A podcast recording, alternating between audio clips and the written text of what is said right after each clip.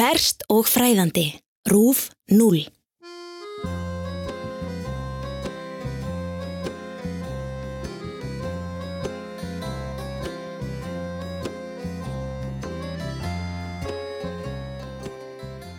Lítill frumstæður seglbátur veltist í öldurótinu við minni Betts árinar sem rennur út í Arafúra hafið eftir að hafa hlikkjast í gegnum rekskógin á vestuströnd Nýju Gíneu.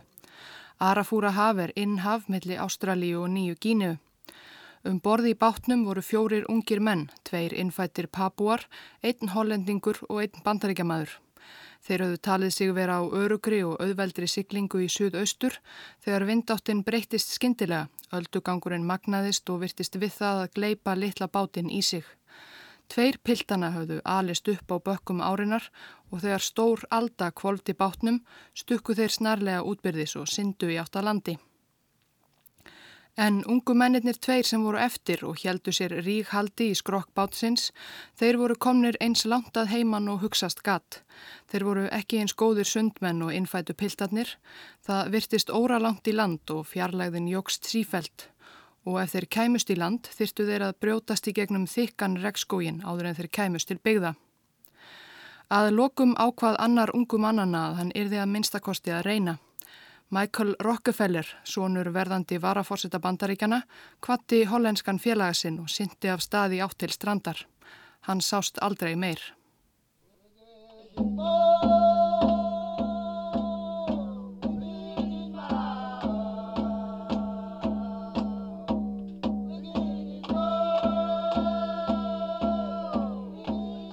Michael Rockefeller var 23 ára og bara eitt frægasta eftirnafn heims að minnstakosti um það leiti sem þessi saga gerist sem var árið 1961. Rockefeller fjölskyldan var og er eins og ríkasta í sögu bandaríkjana og heimsins og einnig svo valdamesta allar götur síðan langafi Michaels og langafa bróðir John D. og William Rockefeller stopnuðu oljufélagið Standard Oil í Ohio árið 1870. Afi Michaels, John D. Rockefeller yngri, let byggja Rockefeller bygginguna gríðarstóru á Manhattan. Pappi hans, Nelson Rockefeller, var ríkistjóri New York ríkis og átti síðar eftir að verða varafórseti bandaríkjana meðan Gerald Ford var fórseti. En utan stjórnmálana átti Nelson Rockefeller sér eina ástriðu, myndlist. Hann hafi sapnað málverkum og listmunum síðan hann var ungur maður. Hann satt í stjórn Museum of Modern Art, MoMA, nýlistasapsins fræga á Manhattan, svo að segja frá stopnun sapsins. Nýlistasapnið á ómetanlegt sapna vestrætni nútímalist, verkum eftir Picasso, Monet, Matisse. En Nelson Rockefeller hafði þó ekki bara áhuga á slíkri list. Að kvöldi 20. februar 1957 bauð Nelson Rockefeller öllum helstu fræðarmennum New York borgar í samsæti í glæsilegu fjögurahæða íbúðurhúsi á Manhattan, bara steinsnar frá nýlistasafninu góða.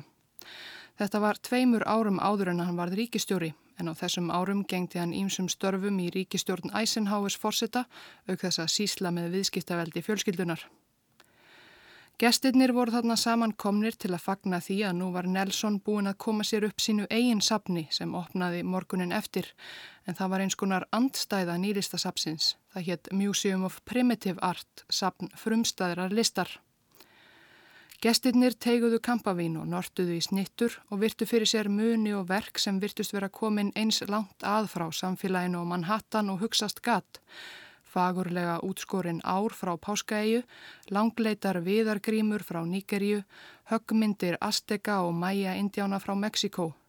Mununum var komið fyrir á kvítum stöplum í björtu kastljósi, alveg eins og nýlistasöfnum um allan heim og vel að merkja án þess að þeim fylgdu landakort, þjóðlífs, lýsingar eða myndir af frumbyggjum í strápilsum. Markmið Nelsons Rockefeller með safninu var að list frumbyggja heimsins fengi að skipa sama sess og önnur list á söpnum og í hugum vestrætna listunenda.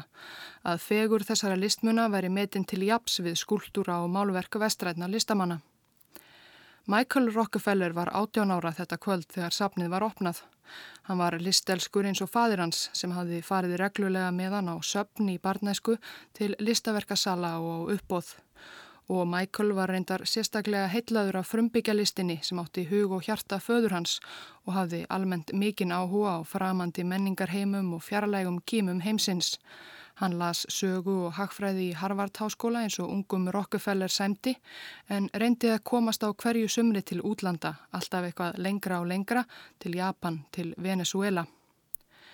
Síðasta árið í Harvard kittist Michael mannfræðingnum og heimildamindaleikstjóranum Robert Gardner Gardner hafði gert kvikmyndir um búskmenn á gírafa veiðum í Kalahari eðimörkinni og leinilegar helgi aðtapnir Kawakawak indjána í Bresku Kolumbíu og nú var hann á leiðinu upp á hálendi Nýju Gíneu að kynna sér menningu frumbyggjana sem þar byggu. Michael Rockefeller var heitlaður af tilugsuninu um óbeislaða náttúru Nýju Gíneu og þá dularfullu ættbálka sem þar höfðust við. Hann skálaði vissulega brósmildur við fína fólkið í veislunni í New York en það var annars konar fólk sem heitlaði hann meira. Og nú ákvaðan að slást í för með Gardner sem hljóðmaður, nokkuð sem Rockefeller hafi enga reynslu af en flýtti sér að tilenga sér til þess að geta komið að gagni í ferðinni. Rockefeller ferðaði síðan með Gardner og kvikmyndateimi hans um hálendi nýju gínu í nokkra mánuði. Afrakstur ferðarinnar var myndin Dead Birds sem var reyndar ekki frumsýnd fyrir en árið 1963. Þegar kvikmyndagerðamennir tóku sér nokkura daga hlýja frá vinnunni, notaði Michael tækifærið og ferðaðist enn lengra. Hann fór til Asmat, hér aðs í vesturhluta nýju gínu sem þá laut ennþá hollenskri nýlendustjórn á suðu vesturströnd eigarinnar við Arafúra hafið. Héræðið dregur napsitt af þjóðinni sem þar bjó í fennjum, mýrum og rekskói svo afskjækt að hollenskir nýlenduherrar og trúbóðar hafði ekki byrjað að tínastangað fyrir um miðjan sjötta áratugin til að reyna að síða þá með misjöfnum árangri. Þegar þarna var komið sögu árið 1961 voru enn til hópar asmatfólk sem höfðu aldrei barið kvítan mann augum. Þetta voru harðsvíraðir stríðsmenn og hausaveiðarar sem áttu oft í innbyrðis erjum og stunduðu líkt og fleiri þjóðir á þessum slóðum mannátt af og til. Í samfélagi þeirra voru þó í gildi lög og reglur og hefðir og menning. Mannáttið var bara óvart meðal þeirra síða sem stundum var talið tilheyra menningunni. Michael dreymdi um að sapna listmunum asmatfólksins og flytja heim til New York og sína á hennu nýja sapni föðursins. Þjóðin er þekkt fyrir íðilfögur íburðarmikil útskurðarverk, skildi, trommur, báta og árar en fyrst og fremst svo kallar bíssúlur, margra metra háar trésúlur, skornar út í muskat tré í læginu eins og margar litlar mannverur hver ofan á annari. Í súlunum búa andar látina. Asmat fólkið trúir á anda sem eru allstaðar í hverju tré í rekskóinum, í vatninu og í mönnunum. Ólán, sjúkdómar, slis og hamfarir, flest ílt mátti kenna um óstýrilátum öndum á sveimi, öndum látina sem höfðu dáið óvæntum dauða eða vofeflega og svo öndum þeirra sem höfðu verið drefnir en ekki hafðu verið hemt. Blóðhemdir voru asmatfólkinu mikilvægar, rétt eins og í Íslenska þjóðveldinu á síkilei mafíunar og miklu víðar.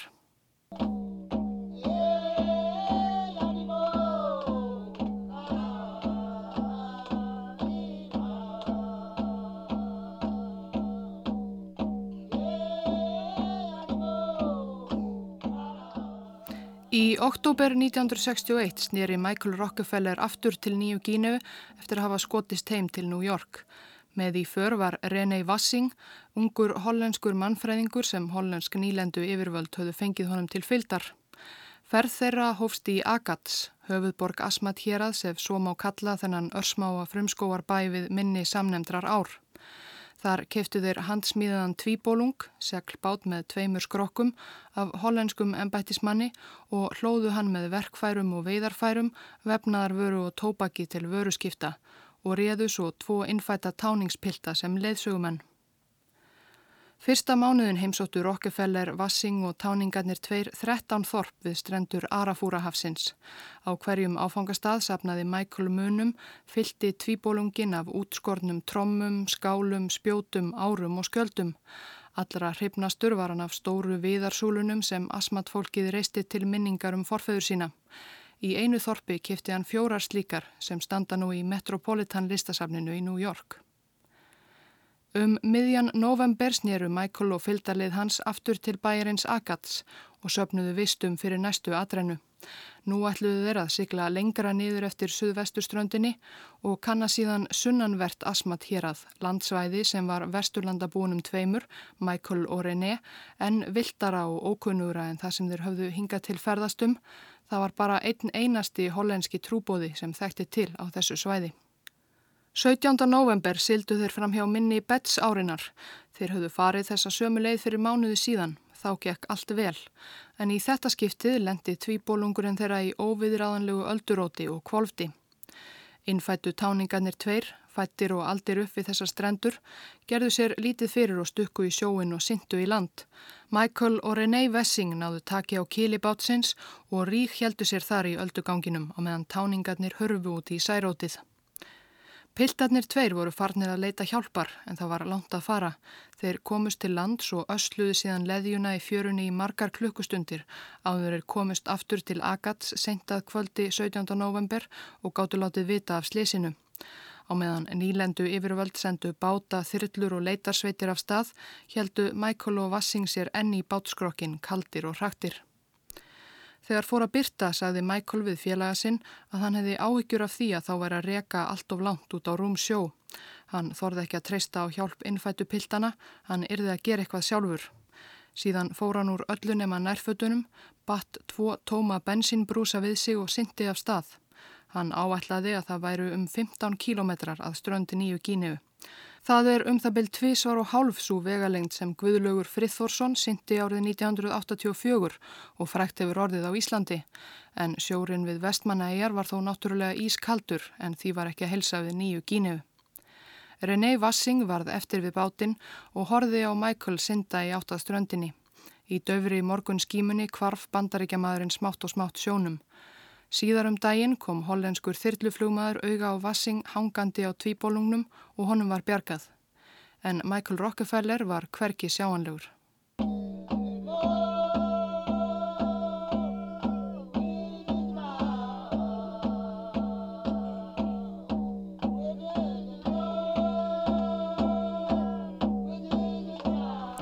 Hollensk yfirvöld kostuðu öllu til í leitin eða Michael Rockefeller. Fadir hans var þá orðin ríkistjóri í New York og einn af ríkustu mönnum heims. Hvarf sonarins rataði auðvitaði heimspressuna. En þó að Nelson Rockefeller legði sér Boeing þóttu og kemi fljúandi með fjölment fyldarlið bladamanna til næstu borgar með nægilega stórum flúvelli sem var um 250 km frá Asmat héræði, gatt Nelson lítið gert nema beðið fregna og þær voru fáar. Þyrllur og flúvilar sveimuði yfir leitarsvæðinu og leitarflokkar innfættra fín kemdu frumskóin og mýrarnar. En Michael fannst hverki, lífseða liðin. Líklega hafði hann aldrei komist alla leið til lands. En af hverju fannst lík hans þá ekki á reki? Bensínbrúsarnir hefði átt að halda því á floti. En hverki bólaði á kvorki bensínbrúsum nýja líkamsleifum ungamannsins. 28. november 1961, þegar ekkert hafi spurst til Michaels í nýju daga, flög Nelson Rockefeller heim til bandaríkjana. Tveimur vikum síðar var hægt að leita að sinni hans. Michael Rockefeller var formlega úrskurðaður látin árið 1964, þá hefði hann verið 26 ára gamal. En æsíðan hann kvarf hefur fjöldi fólks velti vöngum yfir örlögum hans. Hafði hann druknað á leiðinni til strandar, hafði hákarl tættan í sig, hafði hann kannski komist upp á land en falið sig í frumskóinum til að sleppa við þungbærar ættarskildur Rockefelleranna. Höfðu frumbyggja ræntonum eða hausaveidarar náðunum og jetiðan. Bandaríski bladamæðurinn Karl Hoffmann var einn þeirra sem var hugfangin af ráðgátunni um kvarf Michaels Rockefeller um ára byll. Hann einsetti sér loks að komast til botts í málinu. Hann gramsaði í hollenskum skjálasöfnum, rætti við afgamla hollenska nýlendustarsmenn og hann ferðaðist til Asmat hérads, talaði við íbúa þar og sildi á tvíbólungi fyrir minni Betts árinar, rétt eins og Michael Rockefeller hafi gert. Og hann komst loks að öllum sannleikanum um kvarfans fyrstur manna.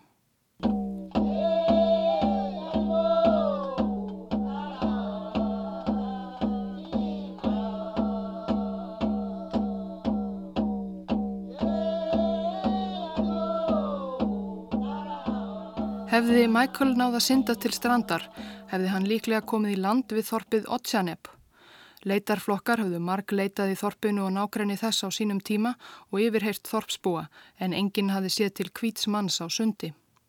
Þetta var stort þorp á mælikvarða asmatmanna. Í Otsjanep og nákrenni byggum meira en þúsund manns. Þar á meðal voru margir harðsvíruðið stoltir stríðsmenn. Þorpsbúar í Otsjanep höfðu um árabil eldað grátt silfur við íbúa Ómatesepp, annars þorps af svipaðri stærð sem var í nokkura klukkustunda fjarlægði í norðri.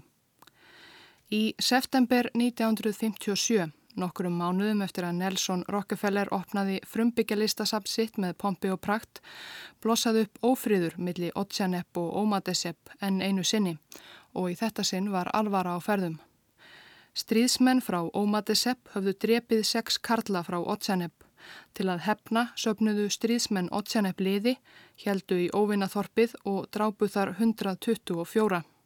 Hollensk nýlendu yfirvöld voru alvön erjum milli ættbálka og þorpa á þessum slóðum, erjum sem oft enduð með ofbeldi og drápum, en slíkt blóðbað, sannkallað fjöldamorð, var ekki vanalegt og ekki eitthvað sem nýlendu yfirvöld vildu láta líðast. Sveit vopnaðra hollenskra hermanna fór fyrst til Ómatasepp og gerði þar upptæk öllu vopn sem fundust og brendu árabáta. Þorpsbúar letu þetta yfir sig ganga en íbúar í Otsjanepp, þangað sem leið hollensku hersveitarinnar lág næst, voru ekki á þeim buksunum. Þegar hollendingarnir nálguðust þorpið tók hópur Otsjanepp Karla á móti þeim með boga sína á lofti og kyrjuðu stríðsöngva.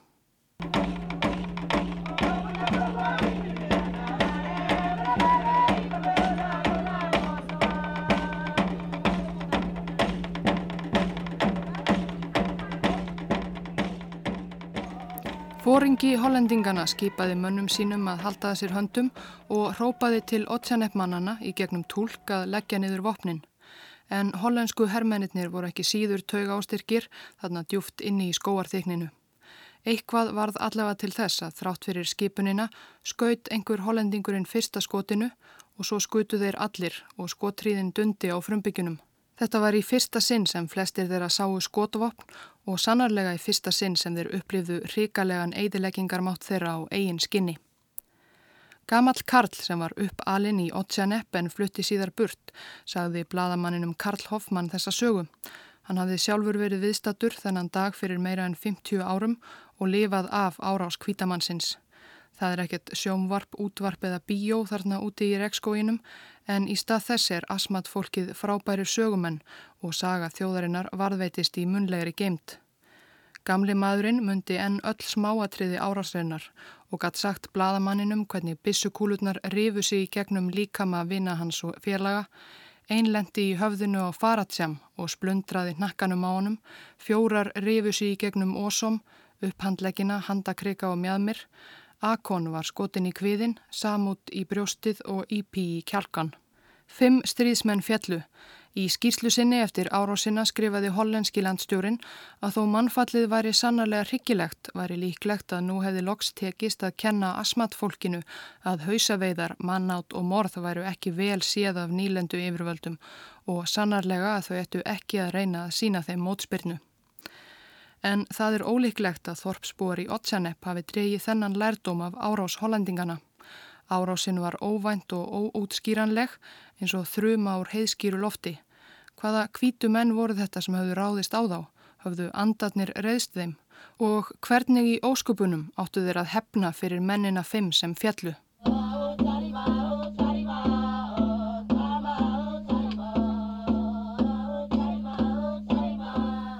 Næstu vísbendingu í ráðgátinu um kvarf Michaels Rockefellers fann bladamæðurinn mörg þúsund kílometra í burtu í hollensku borginni Tilburg heima hjá katholskum presti á nýræðisaldri.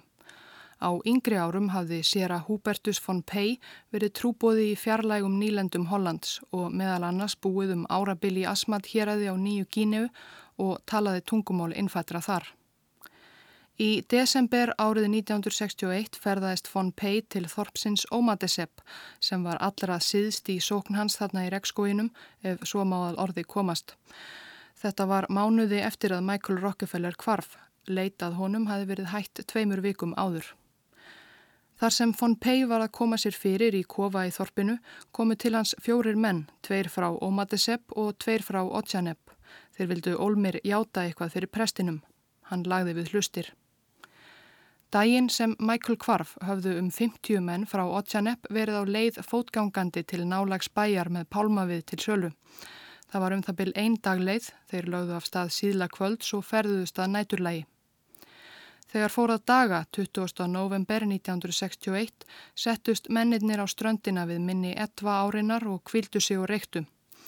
Einn þeirra sá eitthvað á reyfingu í sjónum. Var þetta krokodíl, veldu þeir fyrir sér? Nei, þetta var ekki krokodíl, þetta var maður á sundi, kvítur maður. Hann veifaði til mannana á ströndinni. Hér er tækifærið, saði þá eitt þeirra.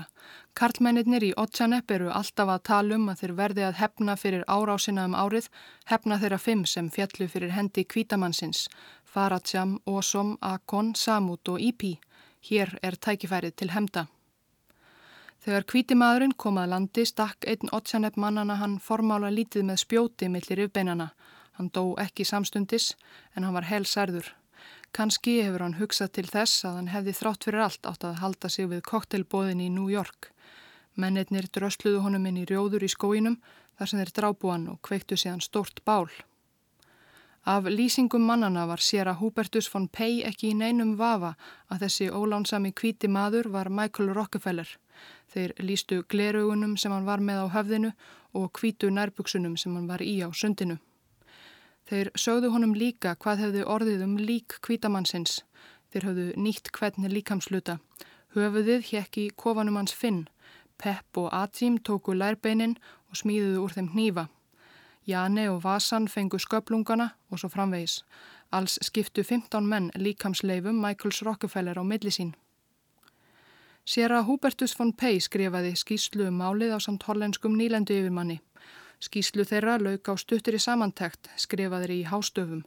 Það er áræðanlegt að Michael Rockefeller var myrtur og jetinn af mönnum úr Otsenep-þorpi. Punktur. Hollensk stjórnvöld fengu skýsluna í hendur en stungu henni umsvefalöst undir stól. Hollendingar reyndu á þessum tíma að halda í nýlendu sína á nýju kínu með öllum ráðum þó svo að meira en áratugur væri liðin síðan afgangurinn af nýlendu veldi þeirra í austur Indium hafði orðið að sjálfstæðu ríki, Indonésiu. Það var vonlaus baráta, nýlendu tímin var óðum að renna út. Álit almenningsum heim allans nýrist æg meira gegn þeim vesturlanda þjóðum sem enn heldu dauða haldi í nýlendur sínar. Kvarf Michaels Rockefeller saði vakið mikla aðtegli í heimspressunni og hollenskum stjórnvöldum fannst aðteglin ekki af jákvæðum toga. Á æðsta stígi stjórnkerfisins var ákveðið að skýrsla Serafon Pei einn væri ekki nægileg sönnun og því var ákveðið að þakka hana niður. Kvorki heimspressan nýja Rockefeller fjölskyldan fekk neitt veður af skýrslunni. Michael Rockefeller var því áfram tíndur, kvarf hans óút skýrt.